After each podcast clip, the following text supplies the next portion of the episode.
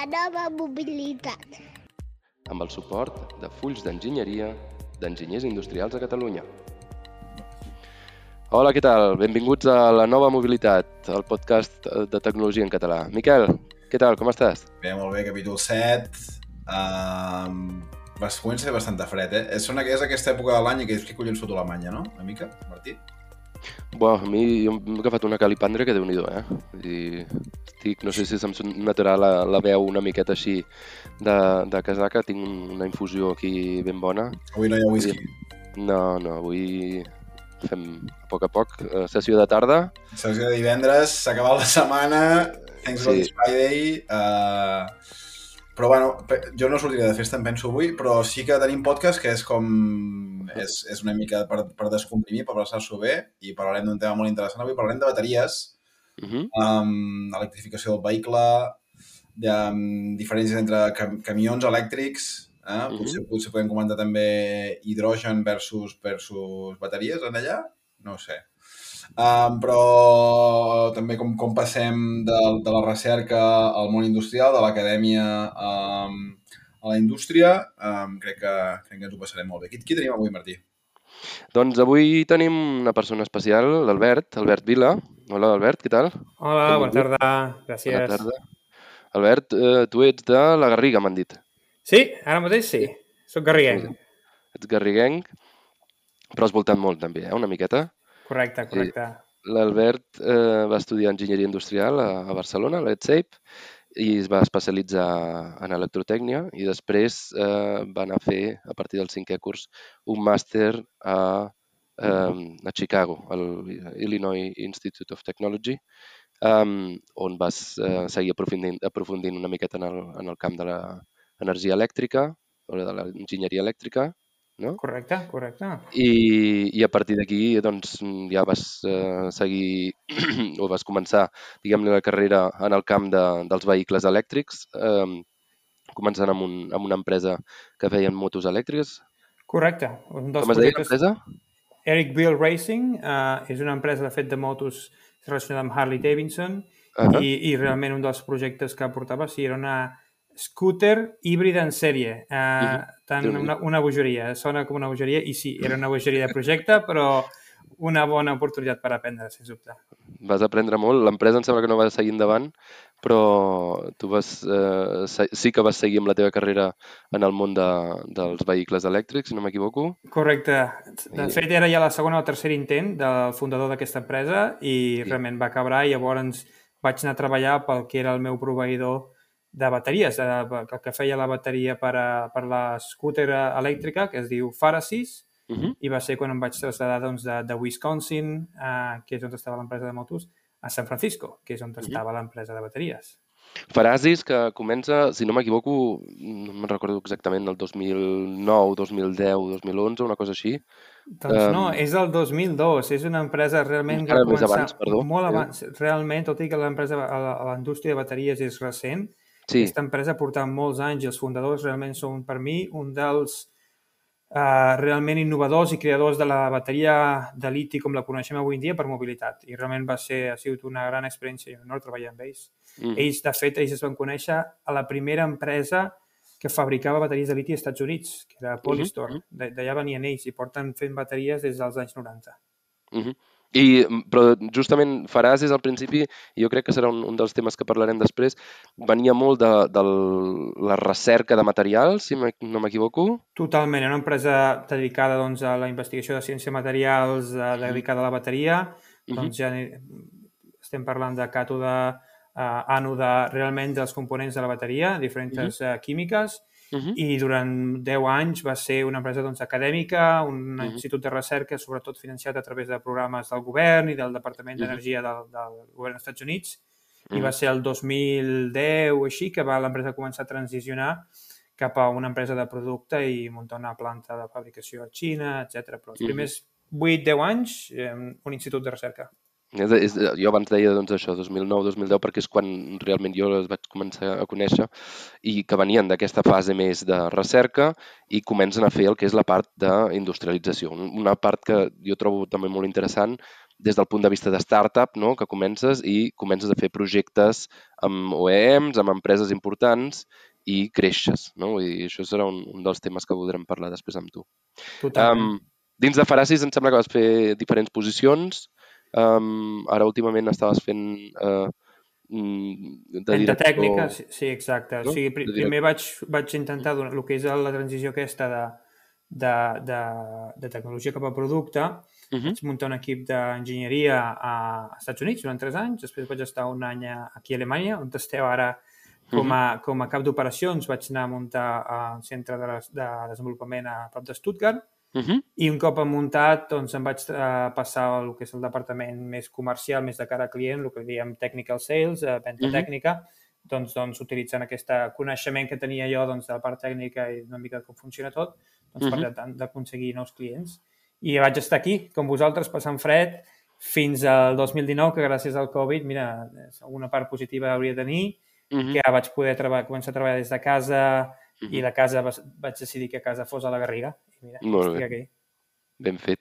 I um, Faracis, mm, després potser, mm, o sigui, parlaves de Stuttgart. Stuttgart era mm, a nivell estratègic important per Faracis perquè tenia un client, no? No sé si es pot uh, dir... Sí, sí, sí. Aquest, dir noms? aquest, aquest client en particular sí, és Mercedes-Benz, Mhm. uh, que bueno, amb, amb el meu equip vam poder guanyar diversos projectes amb ells Uh -huh. um, per fabricació tant de mòduls com de packs, per Mhm. diversos models uh, elèctrics purs.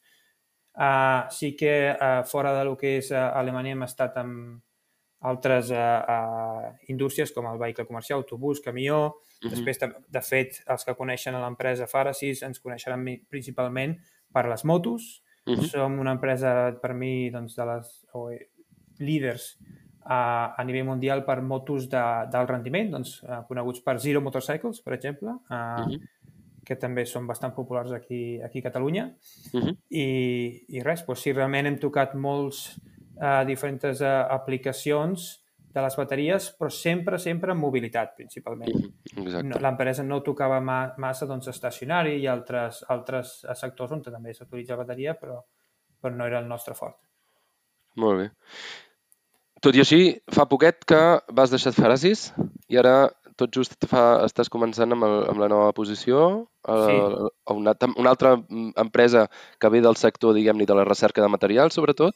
Exacte, justament comentàvem abans la història que ha viscut Faracy, d'aquesta conversió de de- d'una empresa doncs, institut de recerca i acadèmica cap a, cap a industrialització i producte, doncs acabo de començar amb una empresa, ara si fa no fa, unes, un, un, fa un mes, uh, que, que fa, està en aquesta mateixa etapa, aquesta mateixa transició. És una empresa també que té una tecnologia molt bona, uh, es dedica, es diu StoreDot, l'empresa, i es dedica a, una, a fer una, uh, bateries per càrrega ultraràpida.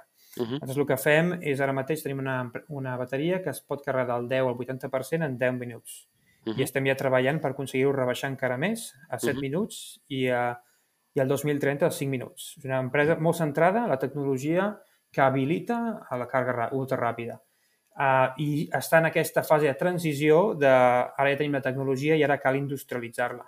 Uh -huh. I llavors, doncs, uh, sens dubte, m'he entrat a, a, aquesta empresa per intentar-los ajudar en aquesta transició Uh -huh. a la mesura del possible i, i realment eh, molt, molt emocionat perquè la tecnologia promet. És una Mhm. tecnologia, per mi, palpable, no és una tecnologia, eh, com ho diria jo, eh, que és una web molt maca i, només màrqueting, sinó que és una tecnologia palpable, que és industrialitzable i aquest va ser el principal motiu. Doncs som-hi. Miquel, tu de bateries com, a- com vas?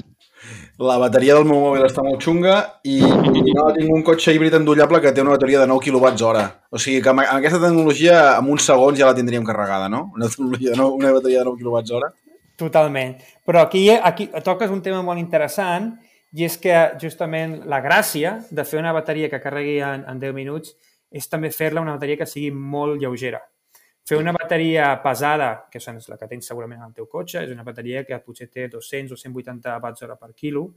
Uh, nosaltres estem fent una bateria de 300 watts hora per quilo. O sigui, una bateria molt lleugera perquè, perquè puguis posar en un cotxe, jo què sé, 500 o 700 quilòmetres d'autonomia i tot i així es pugui carregar en 10 minuts. Aquí està la gràcia, aconseguir les dues coses alhora. Perquè aconseguir optimitzar un paràmetre uh, però sacrificant uns altres, això tothom ho pot fer. Estàs millorant la, la, la um, potència de càrrega a la vegada que estàs millorant també la, um, diguem la, la densitat energètica. Exacte. Jo el que li proposaria al Miquel és que amb la nostra bateria no només podrà carregar molt ràpid, sinó que podrà fer el doble d'autonomia de la que pot fer avui elèctricament que juraria que deu ser al voltant dels 30-40 quilòmetres. No sé quin cotxe tens, però amb 9 kWh deu ser menys de 40 quilòmetres, ben probablement. En teoria 50, però efectius són 40, sí. Exacte. Doncs pues jo et proposaria doncs, doblar aquesta, aquesta, aquesta autonomia amb, amb la nostra bateria. Genial. I, I llavors doncs, també és baixar el pes del cotxe, no? O sigui, per la, per la mateixa capacitat, amb menys pes, no? Llavors també és... Exacte. Aquesta és l'altra opció, és sempre mantenir la mateixa... Uh, si mantens la mateixa capacitat, però fas una bateria més lleugera, redueixes, redueixes pes. Però jo el que et proposaria és mantenir el pes i, i augmentar l'autonomia. La, Ara bé, també et diré, sí que hi ha una petita... Uh, uh, pas enrere en el, la duració. La teva bateria potser et durarà, pues, jo què sé, 2.000, 3.000 cicles. Uh, potser una bateria elèctrica uh, per un cotxe elèctric pur no la dissenyem, no l'optimitzem per 3.000 cicles. És un tema que potser podem tocar, uh, Martí, també si, si creus, sí. per, per què fem, uh, com, com optimitzem les bateries per a, per a cada aplicació, si, si vols. Sí, sí, justament és el, el...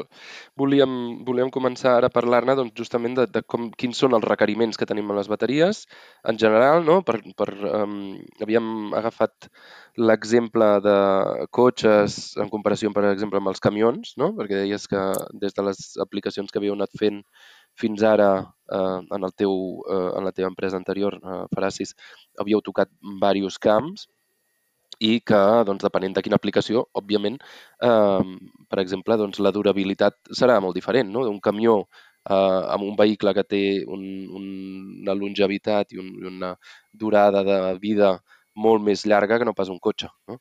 Exacte, totalment.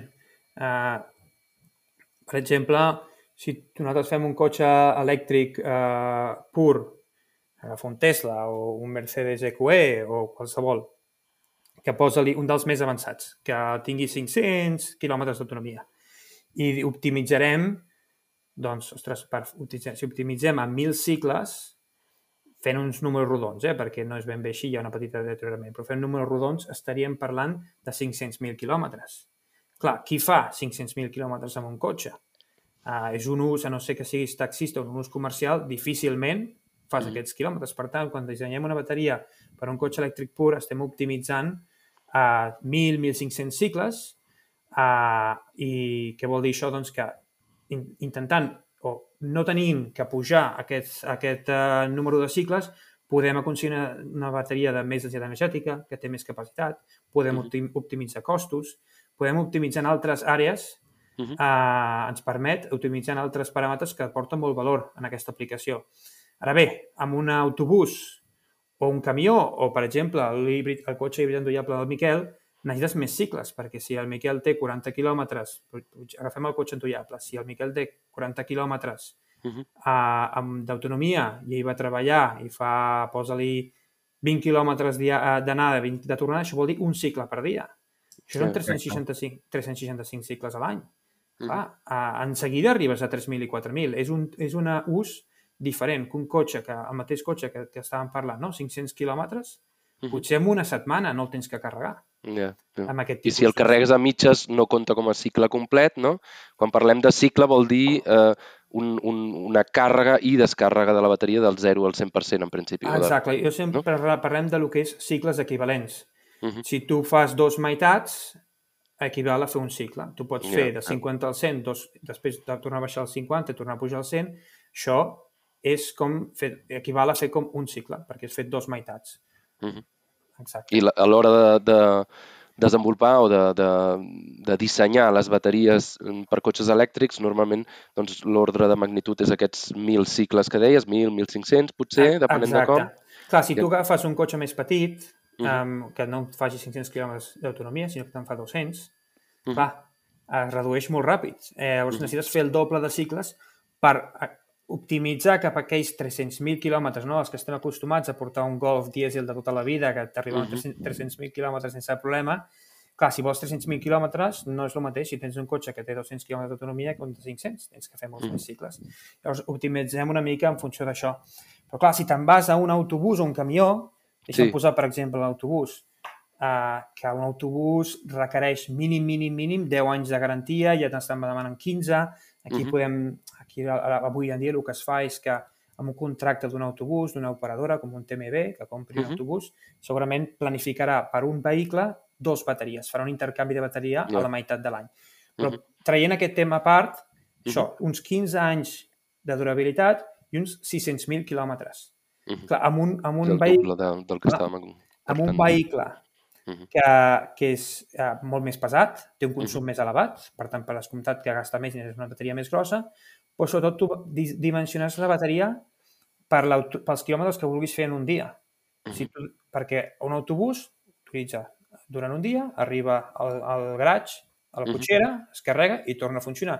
Per tant, optimitzes per un cicle al dia.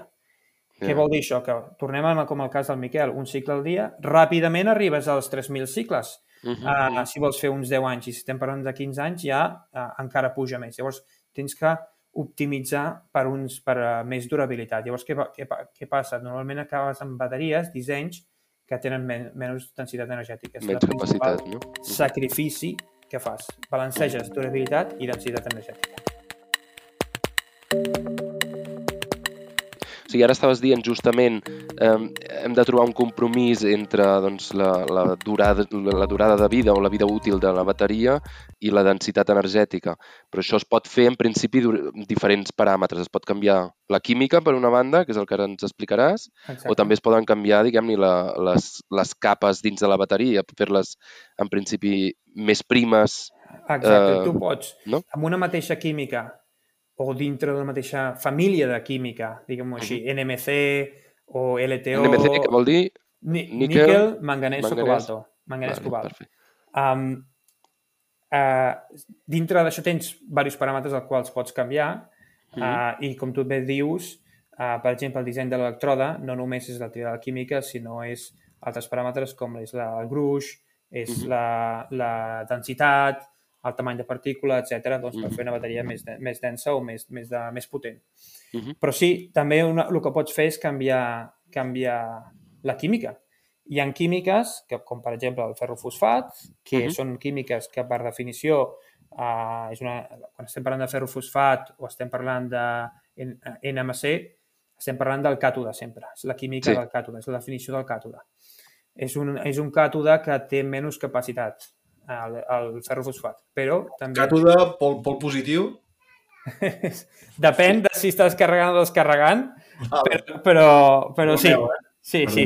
No, no, no, però és justament, vull dir, normalment es, es, es dissenya el càtode com, a, com el pol positiu en el sentit de, de descàrrega, um, però sí, és així. Mhm.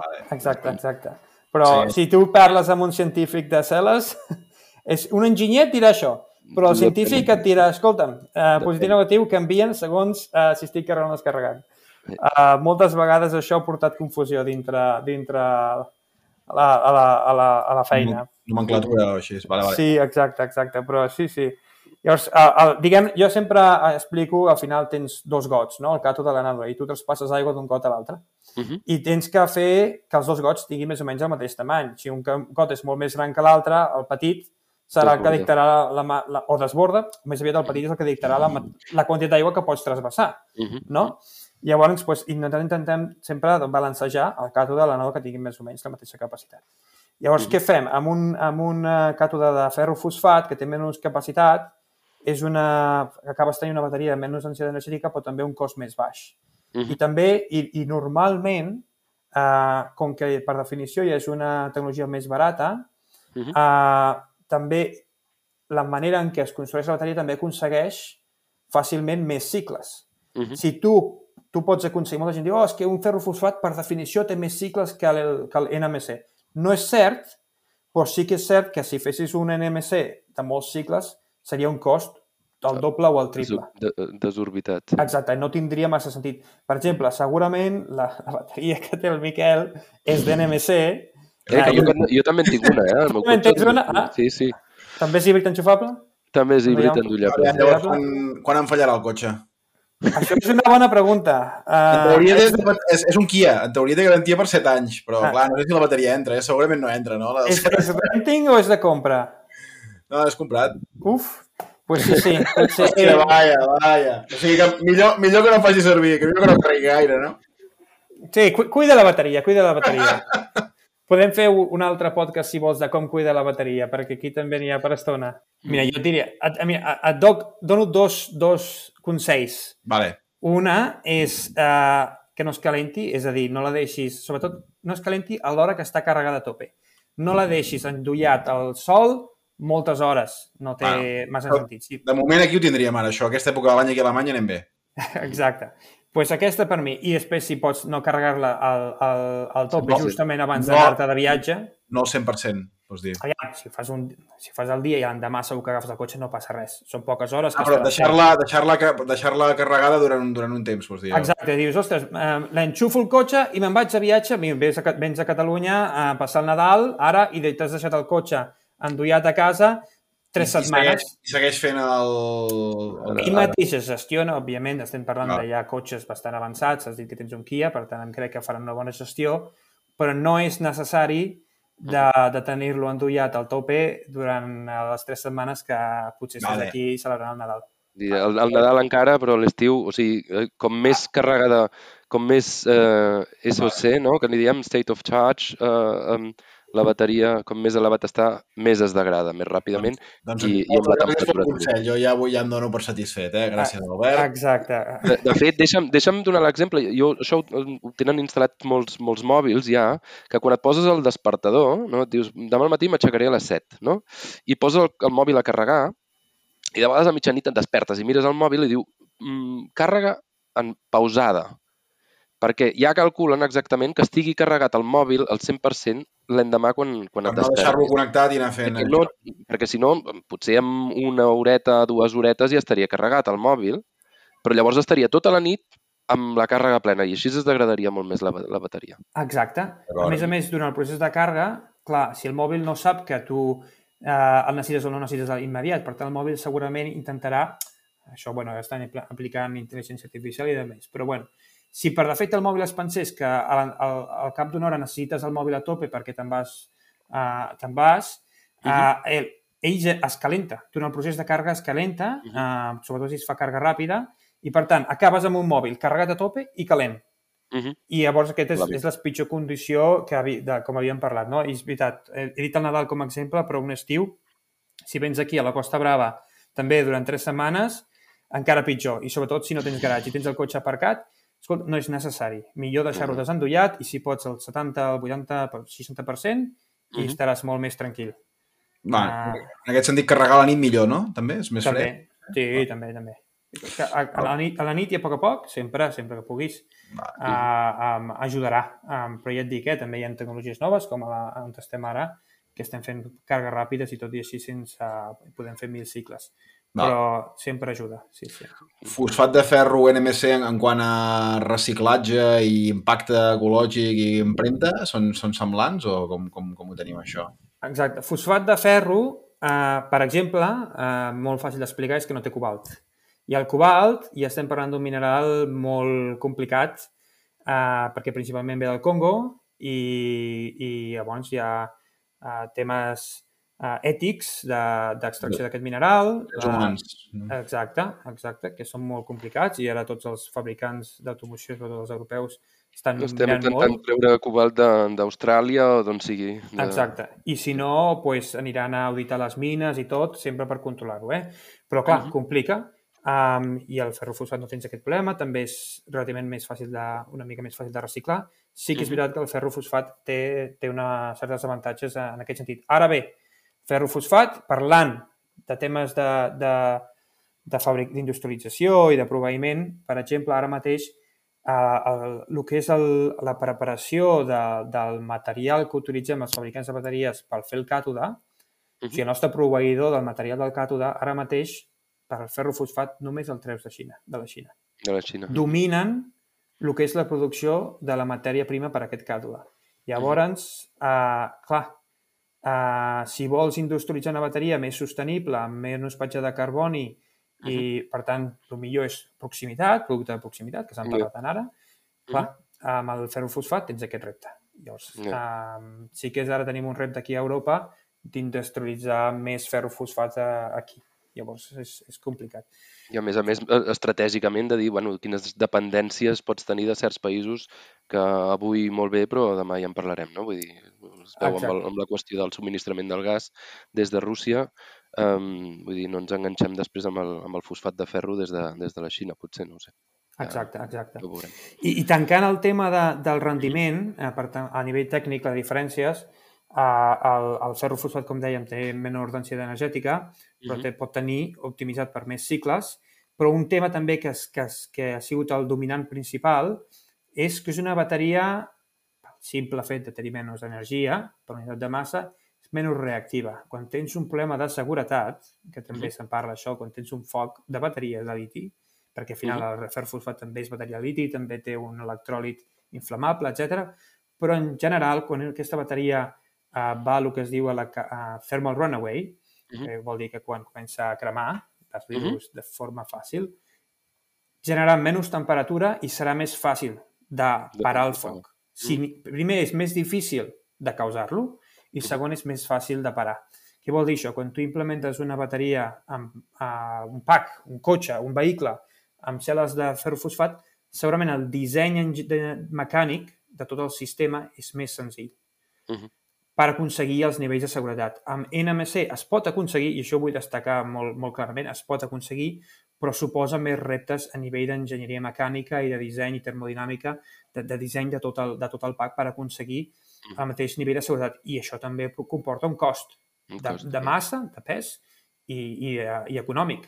Per tant, també és, és un dels motius per, pel qual hi ha una certa tendència a veure ferrofosfat en autobusos Mhm. i camions on la densitat energètica no és tan crítica, el cicle de vida és més important i la seguretat sempre és, és molt important.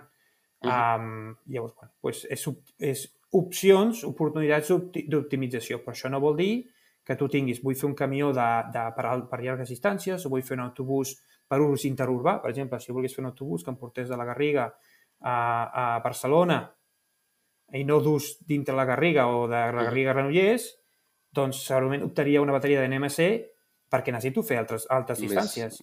Mhm. Això què vol dir? Que hauré de fer una... Primer, tindré una bateria més costosa, Mhm. potser portaré una mica de pes extra que no em porta energia, densitat energètica, però en el conjunt tinc una bateria de més, uh, més contingut energètic que la de l'FP Mhm. i uh, uh, el més important, tens que fer una inversió més important d'enginyeria Mhm. per desenvolupar aquesta bateria amb NMC, per Ja. fer-la segura. L'altre dia, de fet, en parlàvem, perdona que t'interrompi, en parlàvem amb en David eh, Caro de la marca Tesa eh, i ens explicava tota la, tots els materials que estan desenvolupant, aïllaments tèrmics de, de cel a cel·la, eh, aïllaments amb mica, eh, per justament aquestes situacions en les que si una cel·la eh, té el, el thermal runaway, la propagació, eh, eh, diguem-ne, tèrmica, eh, com evitar doncs, que es traspassi a les altres eh, cel·les o dins del Exacte, el és molt, és molt curiós perquè nosaltres volem refrigerar la bateria quan abusem d'ella, quan la, la carreguem ràpid o quan anem amb el cotxe Mm. ràpid a de- de- d'Alemanya, Sí, però alhora la vols aïllar tèrmicament en el cas Mhm. que tinguis un problema de seguretat. Llavors, és, això suposa un repte pel disseny de les bateries i aquests materials ens ajuden molt, realment. molt bé. Eh, Miquel, No, no, dic, po- potser estàvem parlant de químiques, poder podem parlar de- d'estructures, no? tipus de cel·la. Jo, jo recordo el Battery Day de Tesla va ser, no sé quan va ser això, 2019, no? Van introduir oh, el nou, la nova cel·la de bateria, cilíndrica, tal i qual. Igual estaria bé com comentar-ho, no? Quin, quin, quin és l'impacte de l'estructura en si, quins, quins, quins tipus hi ha de cel·les. Um, És, és una molt bona pregunta. Eh, M'agrada molt aquesta pregunta. Eh, la resposta, en curt, et diré que no hi ha una cel·la perfecta. Eh, estem parlant d'optimització del disseny d'electrode, estem parlant d'optimització de la química i ara estem parlant d'optimització del format, diguem-li format. I per mi no, no existeix, això potser una opinió personal, eh, però no existeix una cel·la perfecta, però sí que podem intentar optimitzar per l'aplicació en la que ens trobem. I és una, per mi també és una oportunitat de l'electrificació que ens permet optimitzar cada ús uh, de forma, uh, bueno, de forma més adequada per aquell ús. No? Llavors, bueno, quines diferències hi ha? Posem, expliquem, tot i que no hi ha una perfecta, sí que podem explicar una mica per quins exemples utilitzaria una o una altra. Les cilíndriques, per les quals, les quals, per exemple, utilitza Tesla, i, i són molt, molt famoses gràcies a ells, tenen l'avantatge que són fàcils d'industrialitzar a nivell de cel·la i sobretot a nivell del pack. Són fàcils de manipular, fàcils d'integrar en un pack, uh, tens una unitat molt petita, també llavors per unitat d'energia, de, de, si tens un fallo no ho notes. Tenen avantatges, sobretot a nivell de, per mi, d'inversió del desenvolupament i de, de fabricació. Ara bé, desavantatges. La forma en què els electrodes estan composats a dintre pots tenir, um, com el que li diu, uh, tensions localitzades. Al ser una... bueno, la cilíndrica es, es, es fa fent com un, un rotllo, no? Uh, enrotllant, un pergamí, diguem-ne. I clar, uh, uh, tens, tens, no, no està tots a l'electroda so, uh, sotmès a la mateixa tensió, a la mateixa temperatura, i per això uh, Tesla va presentar un concepte nou per intentar refrigerar de forma més directa els electrodes, però és un repte que tenen. Que és el, el, tap, el tapless, no? Exacte. O sigui, sense, Exacte. sense, sense diguem-ne, um, com es diu, transició de material de, des de... El, Exacte. I, i d'aquesta manera... i el postnegatiu. Perdó. Exacte. D'aquesta manera aconsegueixes el millor eh, um, canvi, camí tèrmic no? per, per Exacte. extreure la, la calor. Que sí que ha és una, una tendència clara a fer-les més grans. Eh? Això, això es compleix en les tres, cilíndrica, prismàtica, però hem començat aquí quins tipus hi ha. Cilíndrica, prismàtica i el que se diu pouch, la veritat, si soc sincer, no sé com es diu en català. Diré Bossa, pouch, tova. Sí, Toba, una eh? toba. Toba, que pouch és com una, com una bossa, no? Un pouch. Eh, De polímer, n'hi diuen de vegades, no? Sí, Cel·les de sí. polímer. Sí, però això... Sí, exacte, perquè... T'ho podem imaginar com una bossa? Una Sí. bossa, com, no? Sí, una bosseta, no? És una bosseta d'alumini, però eh, exacte com tu dius, està, eh, té una capa de polímer per aïllar-la. Per, a- per, així, però sí, jo li diria que és, tova, com tu dius, tova, una bosseta, no? És de fet la que tenim al, al mòbil la majoria de vegades, no? En Exacte, principi. sí, sí, exacte. Llavors, el, uh, pues, això, en la tendència en les tres és fer-les més grans, perquè això optimitza costos, um, principalment optimitza costos, uh, i, i bueno, parlarem de, de, de ser, integració en el, en el pack, uh, també ho fa més fàcil, no? perquè tens menys elements i bueno, menys, menys uh, uh, uh, interfícies. El, però bueno, això és la cilíndrica. Ah, després jo et diria, anem a la, anem a la de la bossa. Ah, per, la de la bossa a nivell de cel·la potser és la millor... Millor, què vol dir? Bé, que vol dir que no hi ha millor.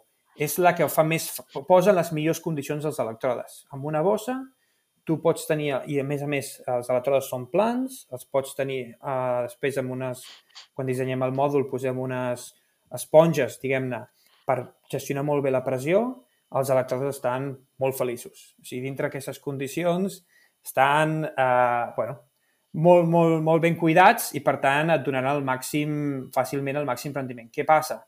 Les bosses aquestes són difícils d'integrar, doncs això tens que ficar les espumes, tens que a nivell de la construcció del mòdul o del pack és més complex, Uh -huh. i després té un problema de seguretat, o problema, un repte, hauríem de dir-li repte, de seguretat, i és que aquesta bossa, quan falla, no saps per on fallarà. Mm. Doncs nosaltres, a nivell del disseny de mòdul pack, hem d'afegir components per intentar influenciar i Mm. poder-ho gestionar. Que es pot fer, però és el que en dèiem, doncs té un cost d'inversió, de desenvolupament, de eh, materials extras que tens que aportar, etc. Mhm. I finalment tenim les prismàtiques, que és doncs, una llauna, Mhm. però en forma prismàtica, Mhm. bastant gran, eh? Estem parlant de no una caixa de sabates, però, què et diria, eh, com, la, com una caixa d'un iPhone, que crec que tots hem comprat un Mhm. iPhone, un smart, un, doncs com això, el, do, el doble. I Sí. aquesta caixeta és eh, el que fa, sobretot el que ens aporta, és fàcil d'integrar perquè la pots manipular fàcilment i connectar i després pot eh, orientar molt bé en cas de tenir un, un, una problema de seguretat, orienta Mhm. molt bé els gasos que generen i poten potencialment una flama, la pots ge- gestionar molt fàcilment. Llavors, aquesta, la, el format prismàtic en el món d'automoció s'està posant molt de moda ara mateix. Mm. -hmm. és, és eh, principalment el que es demana més, sobretot aquí a Europa.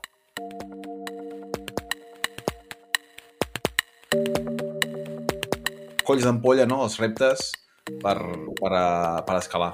Mira, amb aquest tema et diré que l'Elon Musk sí que tenia raó. Uh, em va dir una cosa que crec que la va encertar. Diu, el nostre producte, més que el cotxe en si, és la fàbrica. Nosaltres hem, hem desenvolupat i hem creat una fàbrica capaç de fer aquest cotxe. Aquí és on està la màgia. I crec que René en això té raó. Uh, tenim un repte molt important en, en industrialitzar aquests, uh, aquests cotxes i aquestes bateries. Cal, quins reptes hi ha avui dia? Parlem d'aquí a Europa hem tocat ja un tema de la cadena de subministrament, no? que parlàvem de que el ferrofosfat principalment ve de Xina. Doncs la cadena de subministrament és molt crítica. Aviam, durant els últims uh, mesos hem sentit molt que fàbriques s'han parat perquè no rebien els xips o no rebien les peces de no sé on. Uh, aquest és un primer repte molt important. Ara mateix uh, és crític que localitzem la fabricació de la bateria i de la matèria prima aquí a Europa.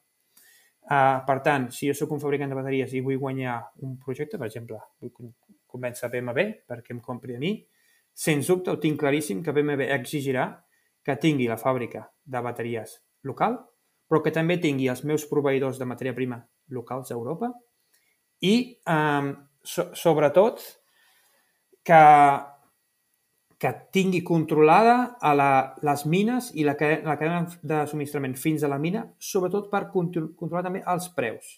Ara mateix tenim una fluctuació de preus de la matèria prima espectacular, sobretot l'últim any. El liti i el, i el níquel i el cobalt també, però el liti s'ha disparat per 10, una barbaritat. I què passa? Que ara els grans fabricants el que exigeixen és que tinguem eh, les nostres pròpies mines que així puguem subministrar sense tenir la influència d'oferta i demanda del mercat. Uh, clar, o sigui, volen tarifa plana. Fins ara el que faríem... Exacte. Fins ara el que oferíem era un preu, però uh, indexat als mar... Mar... Exacte, diversos materials anant indexats a lo que és la borsa de materials. Tens el London Metal Exchange o l'Asian Metals, i si fluctua, doncs, bueno, al final nosaltres, els consumidors, ens emportem el, el, pre, el, el, el, el cop o bé el fabricant l'absorbeix. Però de cara a més endavant, ara el que estan demanant ja és la tarifa plana. Diu, escolta'm, jo necessito un preu fix i si fluctua el preu, tu l'has de gestionar. Això és un gran repte. Un gran repte. Tota aquesta gestió de cadena de subministrament aquí europea, per mi, és el repte, el repte número 1. Repte número 2 que volia comentar-vos, sostenibilitat. Crec que ja hem tocat abans, però sostenibilitat no té cap sentit. Tota aquesta electrificació de la mobilitat, si al final els cotxes tenen una, una petjada de carboni d'entrada més molt més elevada que els de combustió. Estem parlant quan el cotxe s'ha fabricat, no? la petjada carboni que porten ja amb ells. No té cap sentit.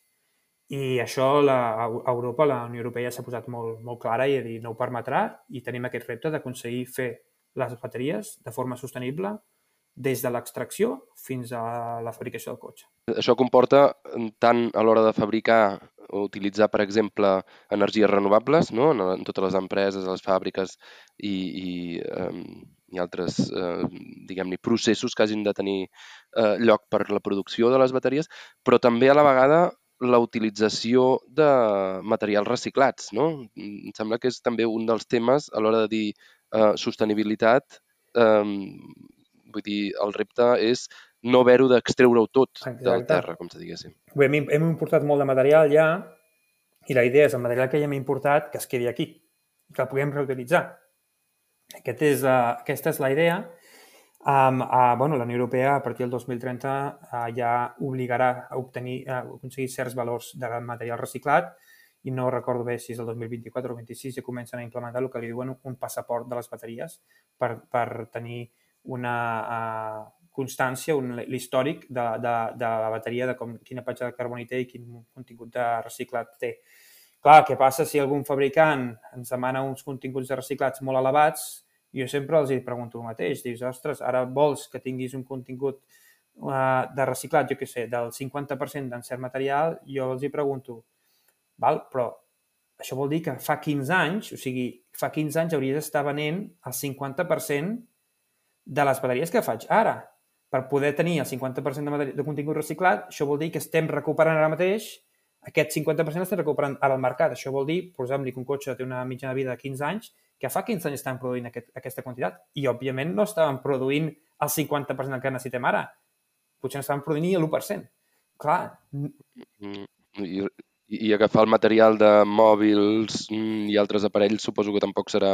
no arribarem exacte, a, a les exacte, mateixes exacte. quantitats. Amb, el tampoc, amb les curves de creixement, jo no, no, no, no soc un expert, però no veig molt clar com aconseguirem aquestes quantitats de contingut reciclat perquè les curves de creixement són, massa, massa, són exponencials, massa, massa grans. Exacte. Tu ara estàs a Catalunya, has estat a l'estranger um, i estàs treballant amb electrificació. Com, com ho veus? Com, com, ens, com ens estem movent amb electrificació a Catalunya um, per industrial, per d'enginyeria? Hi han dos temes per mi. Una cosa és la industrialització i la generació de la tecnologia que ens permet electrificar i l'altra cosa és uh, habilitar l'ús d'aquesta tecnologia. Nosaltres, malauradament, la meva opinió és que som un país de consumidors d'aquesta tecnologia. Nosaltres importem la tecnologia uh, i importem els, els vehicles i els utilitzem. A nivell d'implementació d'ús, bueno, doncs no som els més avançats a, a nivell europeu, però ja et dic, la meva experiència personal és molt positiva i, i jo veig que sí que a poc a poc anem avançant per implementar el vehicle elèctric, se li dona avantatges, hi ha més carregadors i jo, no, jo veig que estem avançant. El meu punt de vista és molt personal, també tenint en compte que jo visc al poble i no és el mateix que una persona que viu a una ciutat que li costa molt més el, tot el tema de la gestió de la càrrega. Eh? Però jo crec que estem avançant el tema de, de la implementació, de, de, del consum d'aquesta tecnologia. Ara bé, anem molt endarrerits en la generació de la tecnologia Uh, vosaltres dos esteu a Alemanya, per mi això és un clar exemple. Uh, inclús diuen, no, ara SEAT fabricarà els vehicles elèctrics. Jo em pregunto si les decisions es prenen aquí o es, presenen, es prenen a Wolfsburg, la planta de bateries s'han anat a Sagunt, tenim Wallbox, sí, és veritat, um, però en general uh, ho estem important tot i a mi m'agradaria veure més uh, que generem també aquí la nostra, les nostres pròpies solucions que les puguem consumir nosaltres mateixos i tenim gent molt bona com tu, Albert, així que és, és qüestió de trobar capital i fer alguna cosa, no? Um... Si fos només això, però sí, sí, és un començament, seria un començament i gràcies, gràcies pel, uh, pel comentari, um... però no, però començament. I, i, i, i poder connectar amb això amb carrera professional, no? Um, has estudiat a l'UPC, has estat a, als Estats Units, uh, t'has mogut a Alemanya, t'has mogut per diverses zones, Um, de quin, quin consell donaries a algú que, que, que, que, es, treballa, treballa, que estigui estudiant enginyeria, estigui enfocant la carrera professional, amb la teva experiència, què creus, que, que, quin, quin, quin consell podries donar? Per mi el més important és trobar el que t'apassiona, que és complicat. Aconseguir això ja és complicat. Uh, I si no saps què és el que t'apassiona, prova, sense por, embruta't les mans. Uh, si estàs estudiant, doncs posa't en projectes, fes de becari, hi ha Fórmula Student, embruta't per aprendre. Ostres, això no m'agrada, cap problema. Doncs pues el següent. Troba què és el que t'apassiona i tot anirà sobre rodes perquè llavors totes les decisions i la teva motivació, tot anirà molt més de cara a, a, a, a ser feliç i a progressar. Tot. Si estàs anant a contracorrent, les coses no van bé. Per mi això és el consell, uh -huh. pues això, a trobar el que t'apassiona i embrutar-te sense por. Um, I després, bueno, pues per mi, a mi personalment, m'ha anat molt bé uh, jo sóc una persona de, de caràcter, com diria, de coneixement generalista. No? Enginyer industrial és molt generalista i tens coneixements de, molts coneixements de diferents àrees i això a mi m'ha ajudat personalment a créixer a dintre doncs, a, a la meva carrera professional, a dintre sobretot en, aquí, en temes de lideratge. Però això no és per tothom. Hi ha gent que prefereix fer un doctorat i especialitzar-te molt en una cosa i els necessitem també. Per tant, Um, a mi m'ha funcionat, però no és per tothom. El que sí que és per tothom crec que és trobar, si tens la sort de lo que t'apassiona, i si trigues 10 anys en trobar-ho, doncs trigues 10 anys sense por i, i llavors d'allà endavant. Genial. Moltes gràcies, Albert. Jo ja et dic, jo, jo he començat la, la, la, la, la trucada avui que venia bastant, bastant de, de baixón, perquè l'avui he tingut un dia a la feina bastant dolent, i ja estic molt millor ara, així que ja no, només per mi ja m'ha valgut la pena parlar, sí. parlar, parlar amb vosaltres avui i Has, carre has carregat les piles, Miquel. la veritat és que, que, que ha estat molt bé. Uh, quina, quina cançó tenim avui, Martí? Avui, doncs mira, um, tenim en Daura Mangara, de Banyoles, nascut a Banyoles, que és, uh, a més a més, fill de pares gambians i um, té unes cançons, un, un hip-hop, un rap, eh, amb una poesia molt maca en català i avui volíem eh, escoltar L'última flama. Eh, moltes gràcies a en Daura, moltes gràcies a tots. Gràcies, Gràcies a vosaltres, un plaer. Estona. Moltes gràcies, Albert. Miquel, Que vagi molt bé. anem xerrant. Les teves mans m'abraçaven com un aro de fum. Els aros de fum solen ser destruïts per al vent. El vent s'endú minúscules partícules del teu perfum. I el perfum atraurà a homes de dintre del jovent. Les teves mirades m'apartaven de la por. La por ja no és por per aquell que no té res a perdre. Perdre d'alguna manera serveix per aprendre. Aprendre a preparar-se per l'hivern a la tardor. Les teves carícies em mataven de dolçor. La dolçor és una ciutat poc freqüentada per la gent. La gent aboca sal sobre les obres del teu cor. Si el teu cor no rep amor normal que mori dins l'intent. Però tot i així... Però tot i així... Vull parar les broques del rellotge Vull que cada dia sigui nostre Vull fer-te l'amor fins que caigui el sostre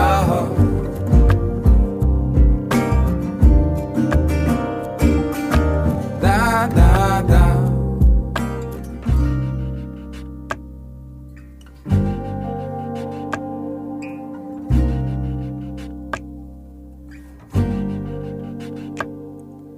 Les teves prometes feien gràcia a un infeliç. L'infeliç és un covard que no sap viure en el present. El present és el futur que nen d'algun petit matís. I el matís és el vernís que fa feliç aquell valent. Les teves paraules les segueixo repetint repetint cada pecat com és típic dels humans. Perquè els humans sempre busquem allò que no tenim. I la mentida mantenim per veure si obtenim un premi gran.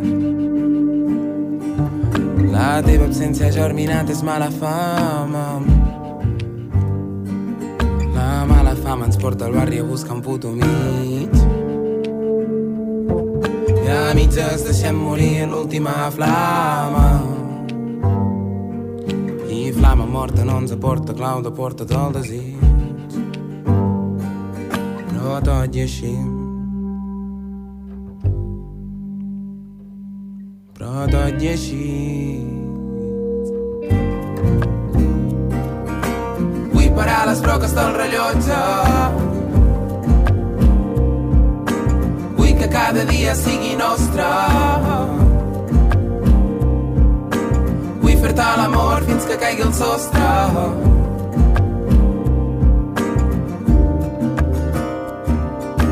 Da, da, da. Vull parar les broques del rellotge. Da, da, da, da. Vull que cada dia sigui nostre. Vull fer-te l'amor fins que caigui el sostre. Da, da,